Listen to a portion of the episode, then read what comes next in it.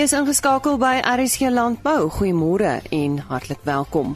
Ons praat vandag met Agri SA oor die wysiging in die eiendomsklousule van die grondwet.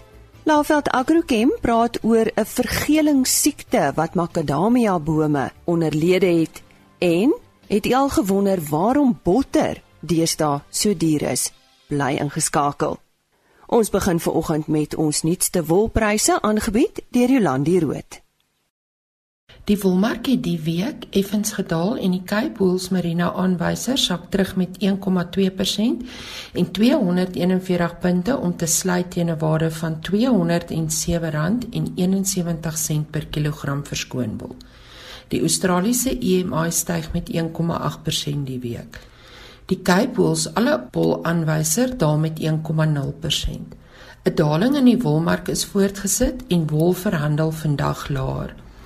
'n Onveranderde rand het geen ondersteuning gebied nie en die trae vraag na lang en fyn merino wol het skerp gewissel oor die mikrongroepe. Die lewering van wol aan die mark is steeds merkbaar minder as teenoor die vorige seisoen. Modiano het die meeste bale op die veiling gekoop. Altesaam 95,6% van die 13070 bale wat op die veiling aangebied is, is verkoop. Die grootste kopers op die veiling was Modiano SA met 3986 bale, Standard Wool SA met 3300 bale, Tianyu SA met 1972 bale en Lempriere SA met 1650 bale. 18,0 mikron daal met 1,4% en sluit teen R235,0 per kilogram. 18,5 mikron neem af met 1,1% en sluit teen R234,79 per kilogram. 19 mikron verlaag met 0,7% en sluit teen R222,85 per kilogram. 19,5 mikron verswak met 0,5% en sluit teen R222,84 per kilogram. 20 mikron is 0,5% af en sluit op R220,43 per kilogram. 20,5 mikron is 0,7% swakker en sluit op R218,88 per kilogram. 21,0 mikron verlangsaam met 0,8% en sluit op R217,41 per kilogram. 21,5 mikron het 0,2% afgeneem en sluit op R207,86 per kilogram. 22 mikron daal 1,1% en sluit op R204,92 per kilogram en 22,5 mikron is 0,9% swakker en sluit op R204,61 per kilogram. Die volgende veiling vind plaas op 9 Januarie. Baie dankie vir die ondersteuning en saamluister die afgelope jaar. Ek wens julle almal 'n geseënde feesgetyd toe en alles wat mooi is tot ons weer saam kuier in die nuwe jaar. Dit was aan die stem van Jolandi Rood en sy het ons vertel van die nuutste wolpryse wat behaal is by veilinge in Port Elizabeth. Die vergeling van makadamia bome is 'n redelike algemene verskynsel in baie boorde in Suid-Afrika, net soos in ander dele van die wêreld. En om dit te voorkom, moet boere seker wees van die elemente wat hierdie plante benodig om voldoende te funksioneer en te produseer. Ek gesels nou hieroor met Nico Klasen. Hy was al voorheen op RC Landbou en is aangenaam om weer met hom te gesels. Hy is besigheidsontwikkelingsbestuurder by Laveld Agrochem. Nico, ja, waar kom die vergeling van makadamia bome hoofsaaklik voor?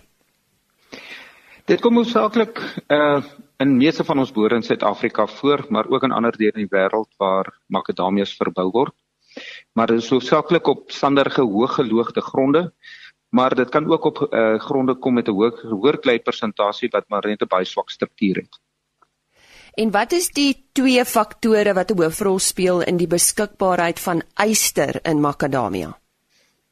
Dit is gronde wat nie reg voorberei was vir al hierdie swak uh, geloogde gronde voorplant nie en die beperkings wat daar was, weet is nie reggestel nie. En dan natuurlik die bestuur van hierdie gronde wat nogal redelik bestuur nodig het om seker te maak hulle bly in 'n in 'n goeie vorm en en dat uh, die elemente maklik beskikbaar is. Maar dan kry ons ook dat goeie gronde soms so swak bestuur word dat selfs hulle begin beperkings uh kry en en die eister begin 'n probleem word, ja. So in in watter forme kom eister in die grond voor? Dit is basies twee forme en die meestal waar dit voorkom is ferrioksied Dis waar die eister dan drie positiewe ladings het. Ons noem ook ook die uh hermatietgronde en dit is die gronde wat daai lekker rooi kleur het, die hattengronde wat ons altyd van praat. En dan in gronde wat 'n organiese verbinding het, uh kom in die eister twee uh uh met twee positiewe ladings. Ons noem dit die ferriese verbinding. Uh voor en dis eintlik maar die organiese materiaal wat hom afbreek van die uh van die van die drie positiewe lading na twee positiewe lading om hom meer op toeganklik te maak. En en hoe word dit deur die plant opgeneem? OK, daar is oksides, hidroksides en sulfate. Dis almal negatiewe geleide deeltjies in die grond en hulle help om die yster oplosbaar te maak. Ehm um, die gronde is gewoonlik effe suurgronde en natuurlik uh, organiese verbindings as dit in die gronde voorkom help ook om dan soos ek reeds gesê het om hierdie ysterverbindings dan af te breek van 'n baie sterk 'n 3 lading na 2 positiewe lading. En dan is daar uh, organiese suurtjies in organiese materiaal wat ons noem basies komplekseer hierdie yster. Hy vorm 'n basiese skermlaagie om hierdie yster en hy help dan dit ook om om dit meer opneembaar te maak sodat ander elemente in die grond dit nie beperk nie ja, of uh, onder, onderdruk nie. Maar Nico, waarom is yster so belangrik vir plante? Maar dit is 'n is 'n mikroelement en dit word meeste deur die plant benodig van al die mikroelemente. En dit het eh, speel 'n ongelooflike rol in die respirasie of soos ons dan in gewone taal sou sê die asemhaal van die plant. Dit help ook met die rol van eh uh, fotosintese proses, dis die uh, rol wat uh, van die plant om energie vir ons te bou. En eh uh, dan help dit om stikstof en swaal rond te beweeg in die plant. Nou beide hierdie elemente is ook energiedrywers en dan uh vir die vorming van klorofil soos baie ander elemente dis nou om 'n uh, blaar groen te maak. Ehm um, as dit yster nie daar is nie dan kan hierdie uh, proses nie plaasvind nie. So is dit nou 'n teken dat 'n uh, plante ystertekort het wanneer hulle plant wanneer hulle blare nie mooi groen is nie. Dis reg. Hulle begin ehm um, uh so die tussennerf areas, dis nou daai aardkies van die blaar, begin so liggroen en raak alder helder geel en dan later uh, kan die hele blaar uh, geel word. En dit is eintlik maar 'n proses wat gebeur is daai wat ek gesê het van die stikstof en die swaal wat nie rondgeskei word nie of dit is meer beskikbaar vir die plant nie. So en dan begin ons eintlik 'n stikstof swaal tekort sien. Uh jy weet as die proses nie omgedraai word nie. Ja. Nou ons gesels eintlik met jou vandag oor makadamia plante. So watter invloed het 'n tekort aan yster op makadamias? Okay, soos ek reeds gesê het, ehm um, omdat daar nou geen energie uh, of oordraging plaasvind in die plant nie, het dit 'n groot uh, invloed op die produksie dan van daardie plant. Dit blomvorming vorming is swak, dan natuurlik die neetset wat daarna volg is net so swak en dan die neetretensie of die neete wat geset het, val net eenvoudig af want daar's nie sterk bindingskragte daar om hulle daar te hou nie en die bome het nie energie nie die boom begin eintlik so terugsterf. Jy begin die blaarpunte begin ons met nekrotiese kolle of hulle letterlik gaan dood. En die takkie sterf terug. So as jy nie hierdie proses omdraai nie, kan die boom eintlik weer uh jy doodgaan. Uh, uh jy weet, as jy dit nie omdraai nie. Ja. En dit is baie sterk by makadamias. Jy weet, by ander plante minder, maar by makadamias is dit baie sterk uh uh, uh tendens wat voorkom, ja. Nou ja, Dini, nou eers by ons aangesluit het ons gesels met Nico Klasen van Laveld Agrochem oor die vergeling van eh, makadamia bome en eh, soos jy reeds gehoor het, uh, speel yster 'n baie belangrike rol. Nou Nico, ek is seker daar's faktore wat ehm um, die opname van yster by makadamias beïnvloed of belemmer, soos jy sê. Wat is dit? Nou goed, die een van die groot sonnebokke is fosfaat, wat meeste makadamia boere nou al weet. Want makadamia is deel van die prote protea families en hulle het 'n baie kenmerkende ons noem dit 'n protoïde uh, tipe wortelstelsel. En dis basies jou uh uh, uh sy wortels wat weer vertak en sulke fyn wortelhaartjies maak. Partykeer maak dit sulke bolletjies. Nou dit vergroot eintlik die wortel se oppervlakte om, om voedingsstowwe op te neem. Maar nou wanneer fosfaat in 'n groot mate in die grond voorkom, sê dit eintlik vir die plant hoor hier is baie kos, moenie worry nie. En dan dan word hierdie ekstra uh, wortelhartjies nie gevorm nie. Nou dit beperk dan onmiddellik nou die opname van uh uh, uh van yster en ander minerale, maar dit beïnvloed erg yster. Maar dan ook yster se die die die fisiese volume van yster wat dan voorkom in die grond, ehm um, kompeteer dan met die yster se opname. So uiteindelik so 'n dubbele aksie wat daar plaasvind. Gewinne fosfaat uh, baie in die grond voorkom. Maar dan is daar nou ander baie ander faktore ook soos ons net gesê het van die pH.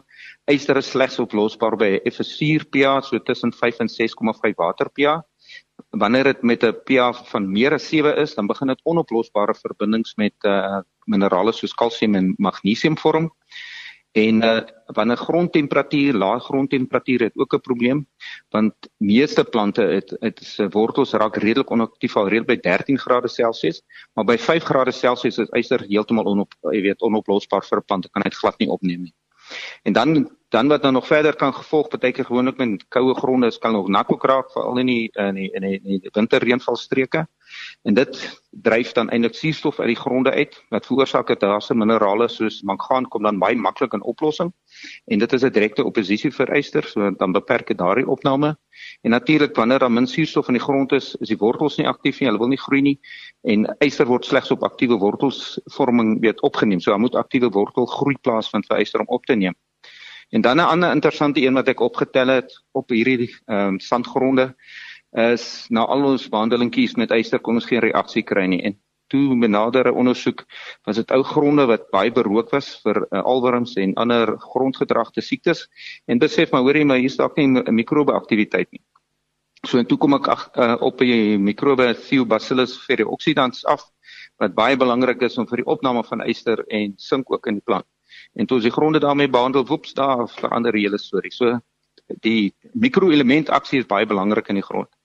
En dan natuurlik wortelsiektes soos Phytophthora. Dit weet uh, verwoes die wortelstelsel, die fyn wortelhaartjies is die eerstes wat uh, aangetast word en natuurlik is daar dan nie wortels om die yster op te neem nie. Nou eh, dit is van selfsprekend dat ons moet uh, probeer om uh, dit te verhoed.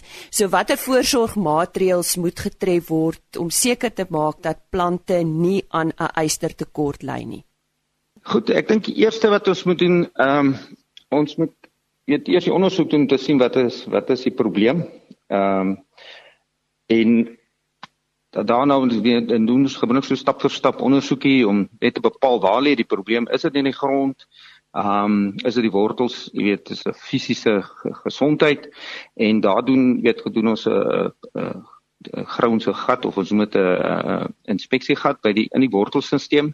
Ons kan grondmonsters neem om weg te stuur om die chemiese en fisiese uh, strukture vas te stel en kyk of daar enige probleme is. Indien dit natuurlik voorkom, moet ons dit nou maar oplig. Een ding wat ons baie moet versigtig wees is wanneer ons moet uh, weet produsente moet glad nie ehm um, bemestingsstowwe of baie keer gebruik hulle organiese bemestingsstowwe wat hoog in fosfaat en natriumsout is en dit moet totaal vermy word. En dan net soos ek vroeër gesê het organiese materiaal maar goeie kompos die toevoeging daarvan kan wondere verrig om te help met die wortels se ontwikkeling maar ook daai organiese suurtjies wat help om die yster meer beskikbaar te maak maar dit ehm um, dit help ons ook dan om die yster af te breek soos ek vroeër gesê het van die ferrioksied na die ferriese verbinding wat dit ook makliker uh, opneembaar maak. En natuurlik die toevoeging dan van ehm um, bakterieë indien gronde uh, sanderig en geloogde is of hulle was berook geweest met uh, grondberokingsmiddels. En dan die belangrikste een wat ek altyd vir boere sê is die keuse van die grond. En dan die ander ene, kies sterk gesonde boontjies wat geen teken van yster tekort toon nie. Ehm um, want kwekerye kan reeds baie vroeg selekteer vir daardie uh probleem en is gewoonlik ons tel ons op is die boontjies wat daai tekens het, dit boontjies wat 'n swak wortelstelsel het. En uh, deur dit te doen kan jy redelik ver kom deur um nie die in die probleem in te hardloop nie. En natuurlik die bestuur van die gronde, jy weet, maak seker jou grond is altyd in 'n goeie kondisie. Nou ja, laaste vraag aan Nico, 'n uh, klasing van Laveld Agrichem oor ons makadamia bome. Is daar 'n uh, yster aanvullings wat help vir hierdie probleem, uh, Nico? Ja, daar's twee tipes basies wat ons aanbeveel. Ehm um, die eerste is 'n sinteties gekuleerde ysterproduk en hulle gebruik ons slegs in die gronde want hulle is nie opneembaar deur die blaar van die plant nie. En dan gebruik ons organies gekuleerde produkte wat ons weer as blaarvoedings gebruik. En dit werk baie aktief ehm um, indien jy so effe 'n bietjie versieringsagent ook saam met die gekuleerde grondproduk gebruik om die opname te verbeter. Nou ja, sê daarmee baie dankie aan Nico Klasen.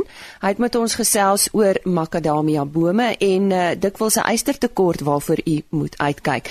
Hy is besigheidsontwikkelingsbestuurder by Laveld Agrochem en indien jy meer inligting benodig, besoek gerus hulle webtuiste. Dit is www.laveld.co.za. Ons het 'n navraag van 'n luisteraar ontvang oor die prys van botter wat die afgelope tydjie so hoog is. Nou dit is uh, dink ek amper 'n jaar of 2 wat dit nou al uh, baie keer onbetaalbaar duur is en dikwels gebeur dit dat uh, ingevoerde botter goedkoper is. Maar ons gesels met Dr. Koos Kutse van die melkprodusente organisasie. Dalk het hy vir ons 'n antwoord. Môre Dok Koos. Ja, wat wat se wat se antwoord het jy vir ons? Ja, kom ons kom ons maar die ding die hele perspektief sien is internasionaal het botter botterpryse baie gestyg. Uh, hy het bietjie afgekom weer, maar hy het tot op 'n kol op in 'n Amerikaanse vlak op 6000 dollar gekom. Hy's nou bietjie laer weer. Die rede vir die stygings is 'n wêreldwye besef dat bottervet nie nadelig vir jou is nie. Inteendeel, die bewyse die besef dat botter en plant en diervette goed is vir jou en nie sleg nie dit het gemaak dat die mense na volroomprodukte toe gaan. Nou in veral in Suid-Afrika is botter grootliks gemaak van die melk wat hulle afgeroom het omdat die verbruiker die afgeroomde die laafvet melk verkies het dan hulle die ekstra room gehad om botter van te maak. Nou verkies die verbruiker die volroom en selfs in enkele gevalle hoë bottervet produkte. So Dit beteken daar is nie bot um, room om van botter te maak. Dit beteken botter is skaars en te word uit dier. Uh dit geld internasionaal, dit geld ook in Suid-Afrika. So ons het ons het 'n 'n stygings in vraag in Suid-Afrika het ons die hele Tim Noakes en banting beweging wat sê man eet vet, eet eet diervette. Uh dis net so goed of dalk beter as plantvette. So en dan ook die beweging weg van nywerheids na natuurlike produkte toe. Jy weet botter is 'n natuurlike ding. Jy haal die melk van die koei se melk, jy haal die room af en jy klits die room tot dit botter is. So uh, waar by margarine en by ander hierdie ander goed is dit 'n groot industriële proses. So dit alles maak en dan nog 'n ding is botter is lekker in vergelyking met hierdie ander goed so. Maar dis die rede, dis die groot rede daar is so dan na van tyd tot tyd is daar goedkoper Suid-Afrikaans of ingevoerde botter, maar dat dit bly maar skaars en die die wêreldprys bly hoog. En hoe lyk die vooruitsigte maar dieselfde? Ja, ja nee wat. Nee, dit sal maar dieselfde wees. Verbruik hom dalk net oppas, daar is nou en dan op die rak uh wat van een of ander ander land afkom uh produkte wat ons nie seker is is botter nie. Hulle moet maar net mooi kyk. Ek sou sê koop maar liewer die Suid-Afrikaanse produk. Jy gaan meer meer verseker wees van goeie gehalte. En ek het ook opgelet dat sekere van die ingevoerde produkte lyk goedkoop, maar as jy kyk dan is die houertjie 250 gram en nie 500 gram nie. Ek dink daar's nog 'n ja, ja. vangplekkie daar, né? Daar is 'n vangplek, dan sou ook nou op die rak sulke wit wit botter. Nou met respek, botter is nie wit nie. Daar sê. Ons sê baie dankie Dr. Koos Kutse van die melkprodusente organisasie en hy het so 'n bietjie meer lig op die onderwerp gewerp. Uh ons het 'n luisteraar se uh, vraag uh, beantwoord. Hoekom is botter so duur? Die onlangse aankondiging deur die grondwetlike hersieningskomitee dat hulle 'n wysiging aan die eiendomsklausule in die grondwet sal aanbeveel het uh, omtrent 'n opskudding in die landbousektor veroorsaak en Agri SA en verskeie ander rolspelers in die bedryf het intussen hulle menings hieroor gelig en ek dink nie ons hoef ons luisteraars enigsins daardie nuus mee te deel nie. Ons gesels nou met Omri van Sail van Agri SA. Hy gee vir ons 'n perspektief. Ja, Omri, verduidelik net gou vir ons waar presies is ons nou in die proses om die grondwet te verander? Wat het intussen gebeur? Alrite, die ehm um, die voorstel was in die parlement gedien deur die um, ehm, ANC, die EFF en die UDN om die grondwet te wysig. Daar's 'n parlementêre debat die um, 5de dink ek uh, Desember waar hulle dit weer gaan debatteer want van die ander partye opponeer dit vanselfsprekend dan sal hulle seker oorgaan na 'n vorm van stemming toe. Ehm um, om die om die moesie in te stel dat die grondwet gewysig sal word. Wat dan moet gebeur is daarmee voorgestelde wet eh, 'n uh, bewoording op die tafel gesit word. Ehm um, en en onthou intussen wat sou gebeur is die die parlement gaan in reses. Uh en dan volgende jaar ehm um, as die parlement weer oopmaak dan dan het ons 'n verkiesing seker hier in April, ek 'n spesifieke datum. Ehm um, so so daar's nie genoeg tyd vir die parlement om dit te oorweeg in daai kort tydperk nie. Dan het jy amper 'n nuwe dan het jy 'n nuwe parlement waar die mosies weer gedien moet word. Ehm um, so so die aard en die omvang daarvan sal sal bepaal en die spesifieke wording sal bepaal wat wat byvoorbeeld ons regstrategie gaan wees. Ehm um, in terme van prosedureel en inhoud. So wat beteken hierdie uitspraak? Die die uitspraak beteken basies dat ehm um, daar 'n voorstel is om die grondwet te wysig en dat dat die dat die die die die spesifieke aard en die omvang daarvan nog bepaal moet word deur die verskillende partye. Want onthou, die partye stem self onderling ook nie ooreen oor spesifiek dit is wat wat hulle wil bereik nie. Die ANC sê hulle wil nie produktiewe landbougrond afekteer nie waar die EFF sê byvoorbeeld hulle wil grond nasionaliseer. So so daar's ook 'n interne debat wat wat sou plaasvind. Nou hierdie verwikkelinge, watter effek uh, kan dit op die ekonomie hê? Ehm um, dis interessant dat die die rand het versterk sedert die ehm um, sedert die aankondiging. Uh die, die ek dink die ekonomie en en uh, beleggers het dit klaar verdiskonteer in die ehm um, en byvoorbeeld die waarde van die rand. Ehm um, maar die die probleem is dat as jy 'n uh, eiendomsklausule of 'n klausule wysig wat eiendomsbeskerming ehm um, 'n soort van uh dek, dan beteken dit dat alle eiendom en en ek weet net dan word nou spesifiek na landbougrond verwys, maar die saaklike reg van eiendomsreg word geaccepteer in die breë. In ander woorde, dit beteken dit uh hulle gaan byvoorbeeld as jy as jy 'n uh, strandhuis het en jy gebruik dit nie, weet, sal sal dit ook so so die regsbeginsel is is is in gedrang en dit dit gaan definitief 'n wesenlike effek op die ekonomie in die langtermyn hê. Die ander probleem is is daar nie inwaartse investering van die landbousektor self is. As jy kyk na die tydbare van geld, dan het dit 'n redelike groot effek op voedselproduksie in die langtermyn en dit is ons afspreek dit nie iets wat ons wil hê. En die effek op beleggersvertroue? Wel ek dink ekonomie en kapitaal is is skaam, nee. So so hulle kyk na na beleggings waar waar jou belegging eerstens goeie opbrengste gaan hê en tweedens veilig is. En die vrye markbeginsel onderskraag meeste van van van van beleggers vertroue as ook die die die eiendomsregtelike ehm uh, beginsels in enige ekonomie is ontsettend belangrik. So daar's definitief 'n 'n risiko dat dat ons uh, disinvestering sal hê in Suid-Afrika beide internasionaal en ook van uh van binne in die Suid-Afrikaanse geleedere in die landbousektor is die is hierdie beleidsonsekerheid veroorsaak dat dat dat dat dat daar al verlaal is in terme van van van aggressiewe uitbreiding investering en en ek dink mense boere en mense is maar onseker oor oor hoe hierdie ding gaan uitspeel. Uh, Omre ek dink as uh, elke liewe luisteraar by die Agri SA kongres was vanjaar sou hulle geweet het wat julle bydra was tot dusver. Maar almal het nou die geleentheid gehad. Nie. Miskien kan jy net vir ons luisteraars verduidelik, uh wat was julle bydra tot hierdie proses gewees? Goed, ons het um, ons het aanvanklik begin deur die beste regsadvies wat ons kon kry te kry. So in terme van ons eie regstrategie dink ek is ons is ons uh is ons uh, gereed. Ehm um, ons het ook deelgeneem, ons het 'n grondaudit gedoen waar ons gesê het min of meer wie besit wat se grond in Suid-Afrika. Uh en ons spesifiek gekyk na landbougrond.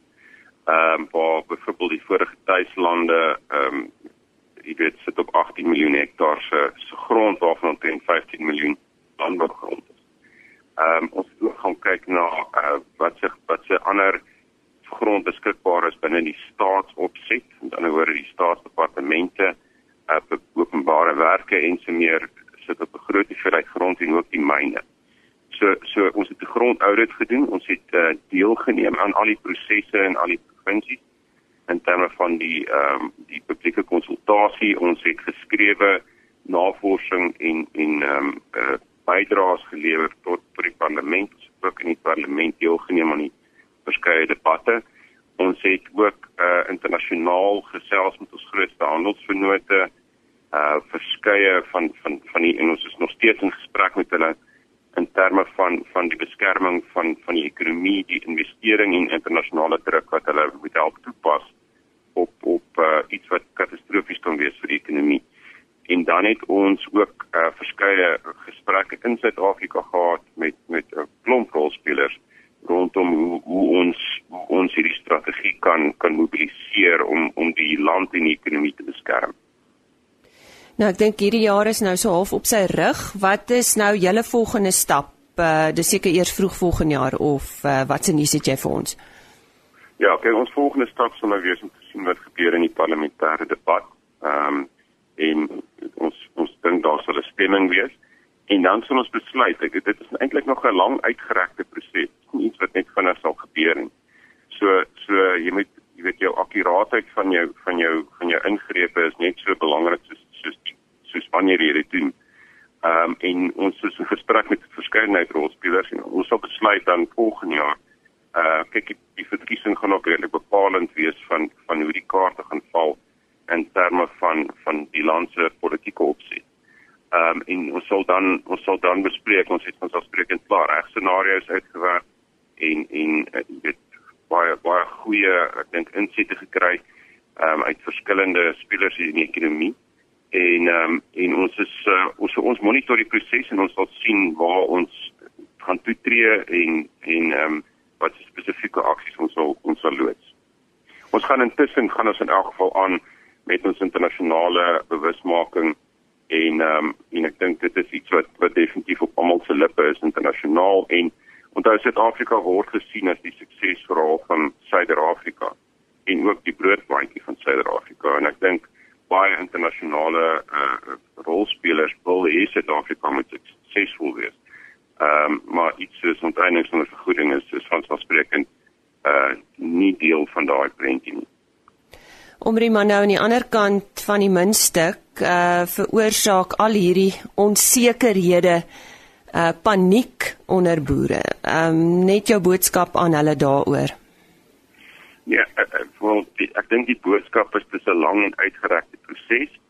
Ehm um, Agri SA het definitief die die geantisipeer wat gebeur het en ons is ons is regtig besig om om beide in Suid-Afrika en internasionaal uh, te mobiliseer. Ehm um, ons is ons het uh, ons ons regstrategie is uitgewerk en um, ek dink dit is 'n lang en uitgerekte proses. So So ons moet nou kyk wat gebeur by die volgende ruk en uh boere moet aangaan, jy weet, uh, plant en en doen wat hulle doen. Uh hulle bestuur hulle eie besighede en en landbou is nie maklik nie. Ons sit nog steeds met verskeie uitdagings klimatologies en andersins in Suid-Afrika. Ehm um, en en ons sal die proses uitbestuur so goed as wat ons kan oor die volgende 6 tot 12 maande. Goed, uh, om jy af te sluit, uh, uh werk moet gedoen word en produksie moet aangaan. Is daar enigsins sprake dat boere nie wil voortgaan met aanplantings en uh, sulke dinge nie? Kyk, 'n boerdery is 'n besigheid en so so aan die einde van die dag, um, moet jy jou kontantvloei bestuur, jy moet jou inkomste bestuur, jy het, jy het werkers en lone en daar's ek weet dit is 'n besigheid en en ek dink dit is baie belangrik dat ons besigheid dat die besigheid aangaan en, en goed doen.